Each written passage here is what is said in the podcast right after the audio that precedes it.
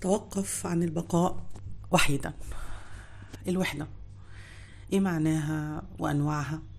إزاي ممكن نتغلب على الشعور بالوحدة ونتخلص منها؟ وإيه المهارات اللي ممكن أحتاجها إنها تبقى موجودة عندي عشان أكون صديق ناجح أو شريك حياة ناجح؟ وما يجيش عليا الوقت اللي أحس فيه إن أنا وحيد.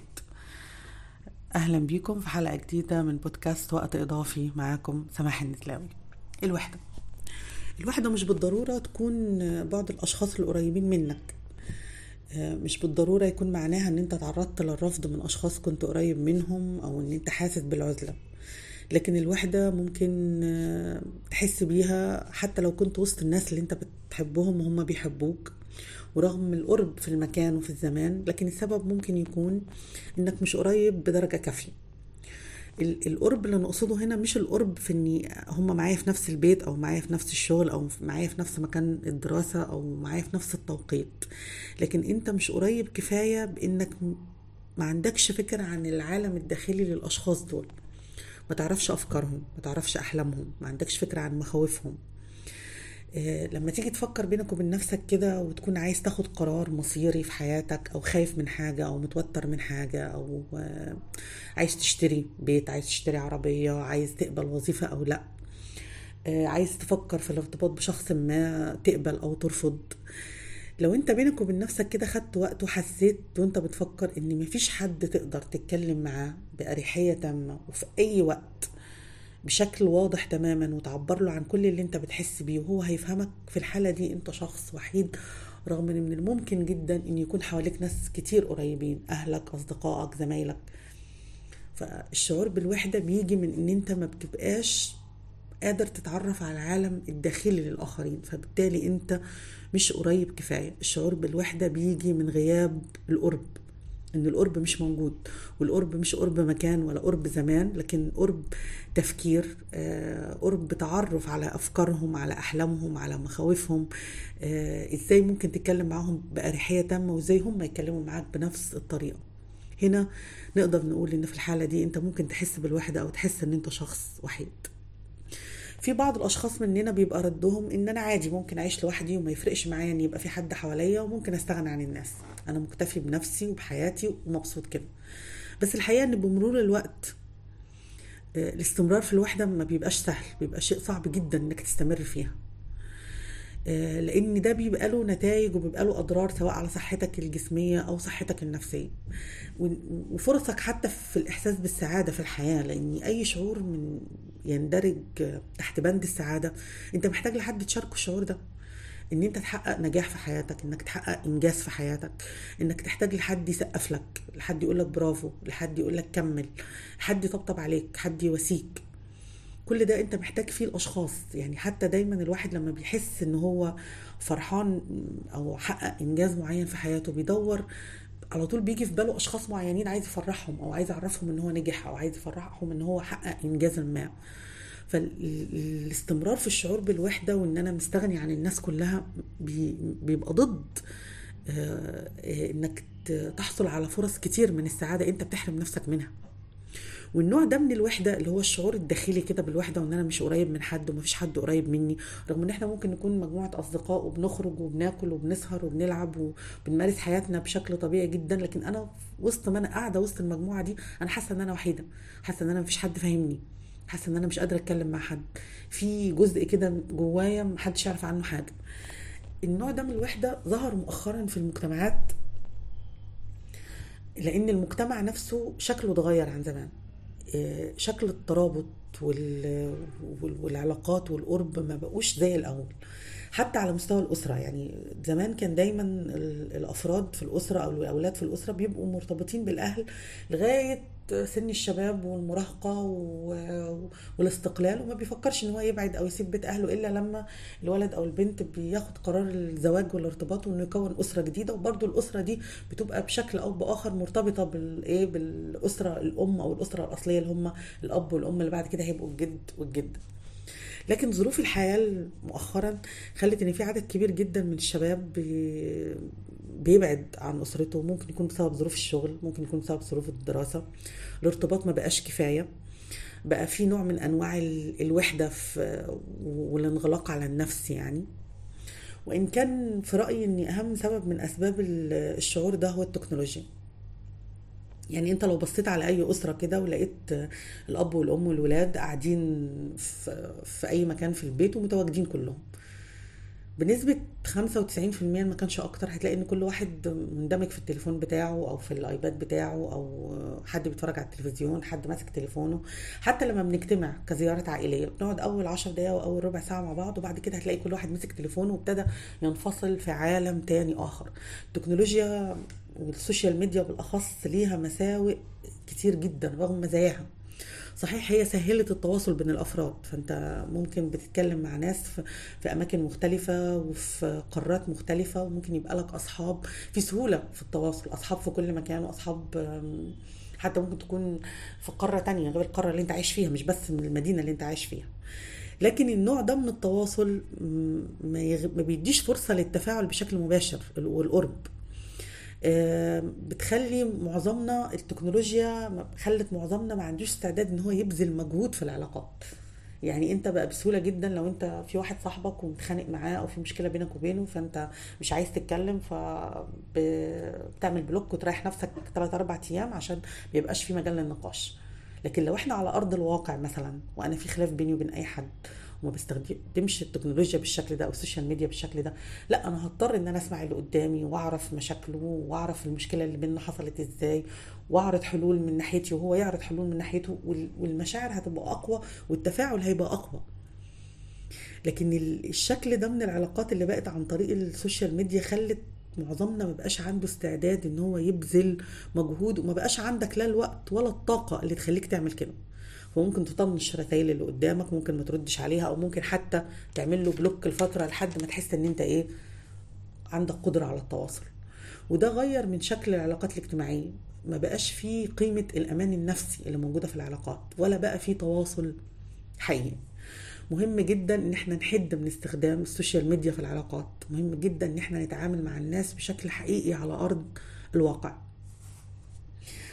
إيه اللي ممكن يخليني بعد فترة في أي علاقة سواء كانت علاقة صداقة أو علاقة زمالة أو حتى علاقة شخص أنا في نية للارتباط بيه أو حتى ناس مرتبطة بالفعل تحس بالوحدة.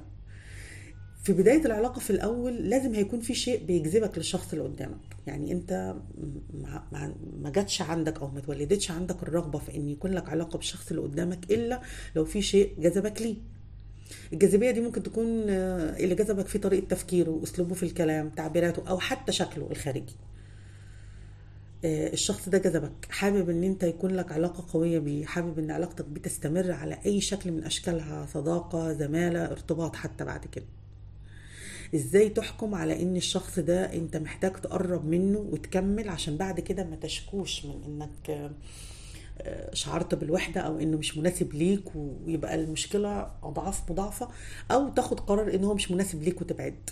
مهم جدا في بداية أي علاقة عشان ما نوصلش للشعور بالوحدة بعد كده والانفصال إن يكون الشخص اللي قدامي عنده مجموعة من المهارات تساعد على إن العلاقة تستمر.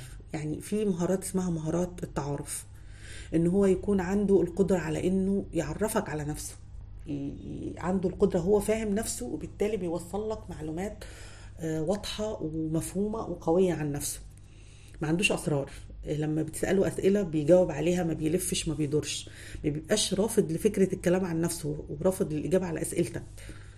مهم جدا إن يكون عنده مهارة أو القدرة على التبادل. تبادل المشاعر تبادل الكلام تبادل الاهتمام تبادل المسؤوليات. ما تبقاش أنت لوحدك الطرف اللي باستمرار بيهتم وبيسأل وبيتكلم وبيقوم بواجباته. حتى الحكمة بتقول إن كل متبادل مستمر. فمهم جدا الطرف اللي قدامي يكون عنده استعداد إن هو يبادلني كل الحاجات اللي أنا محتاجها. يكون عنده القدرة على إنه يتقبل كل شيء حقيقي عنك. يعني معظمنا شخصيته ما بتظهرش كاملة أو كلنا ما بنظهرش شخصيتنا بشكل كامل في بداية التعارف. فمهم جدا إن الطرف التاني يكون عارف إن في حاجات هيعرفها بالعشرة حاجات هيعرفها بالمواقف حاجات هيعرفها بالسنين. فيبقى متقبل أي شيء هيعرفه عني لأن هو في الأساس متقبلني أنا متقبل أساسيات شخصيتي فهيتقبل أي شيء يعرفه عني. بعد كده مش يعرف شيء معين فياخد قرار إن هو مش عايز يكمل معايا. لا.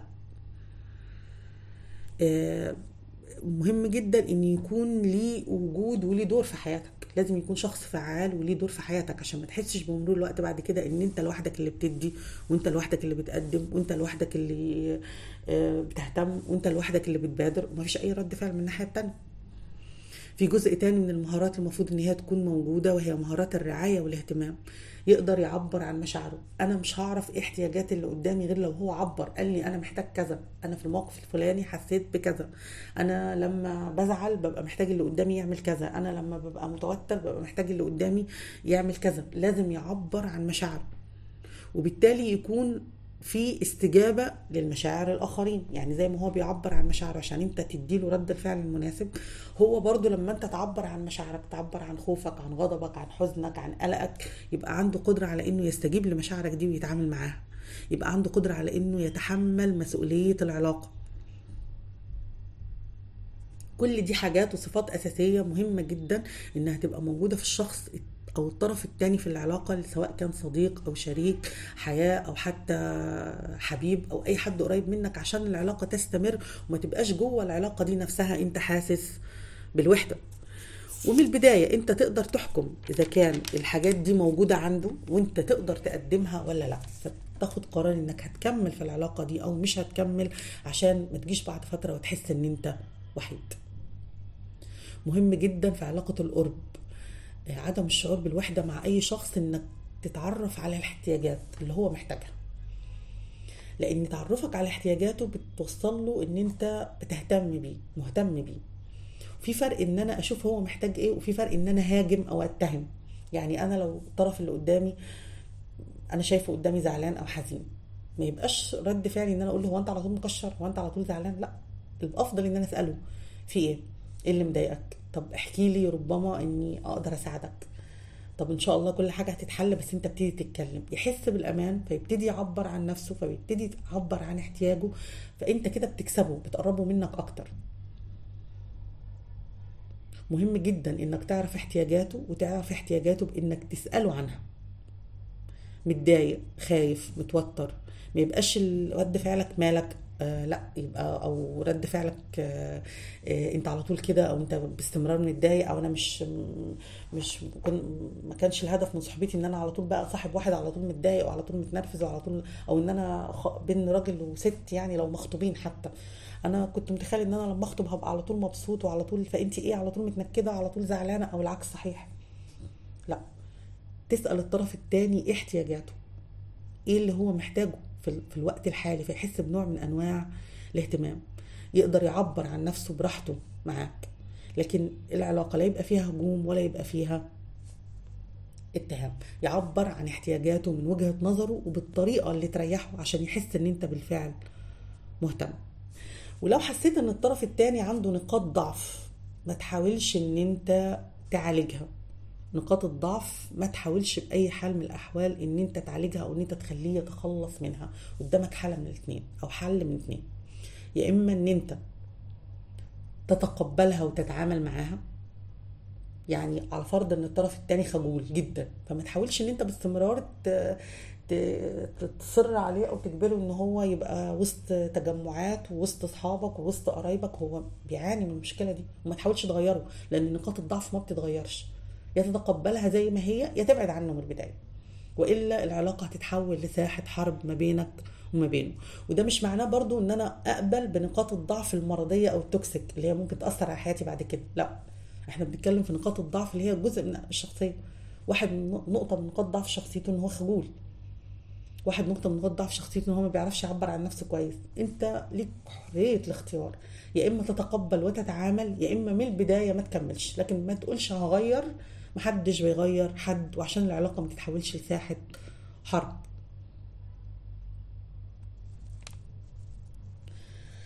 طيب لو في علاقة بالفعل ناجحة في حياتك أو أنت شخص مش وحيد وعندك صداقات أو عندك شريك حياة أو عندك زمالة وعلاقات ناجحة بالفعل وأنت بتحاول إن أنت تحافظ عليها أو تحافظ عليها إزاي؟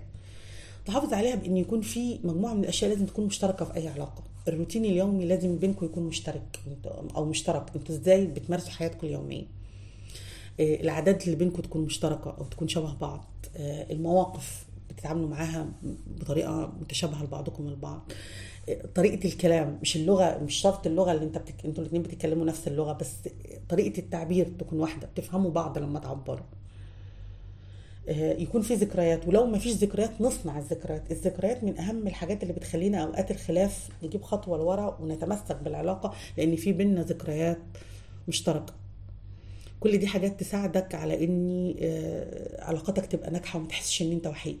وده مش معناه إن أنت تبقى كتاب مفتوح بنسبة 100% أي علاقة في الدنيا محتاجة إن يكون كل طرف فيها قدر من الخصوصية والاحترام. لازم يكون في جزئية خاصة بيك وبحياتك خاصة بيك أنت لوحدك. بس الأغلب بيبقى مشترك عشان العلاقة تستمر. كل العلاقات اللي في الدنيا محتاجة لبذل مجهود. كل العلاقات اللي في الدنيا فيها نسبة من الألم. مفيش علاقة بتستمر من غير بذل مجهود من أبسط علاقة لأعقد علاقة. لو قدرت إنك تخلي العلاقات اللي حواليك آه، علاقات إلى حد ما مريحة وعلاقات إلى حد ما بتشبع احتياجاتك وإنت بتشبع احتياجات الطرف الآخر عمرك ما هتحس إن إنت وحيد. طيب لو إنت بتحس بالوحدة دي بينك وبين نفسك هتطبق نفس الكلام بينك وبين نفسك. هتحاول إن إنت تقعد مع نفسك تتعرف على نفسك أكتر تشوف إيه الصفات الجميلة اللي موجودة في شخصيتك إيه الحاجات اللي أنت شاطر فيها ومميز فيها.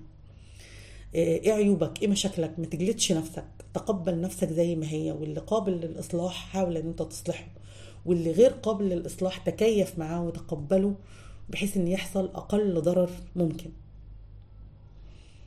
اسمع نفسك اقعد معاها افهمها عشان تقدر تتخلص من الشعور بالوحدة.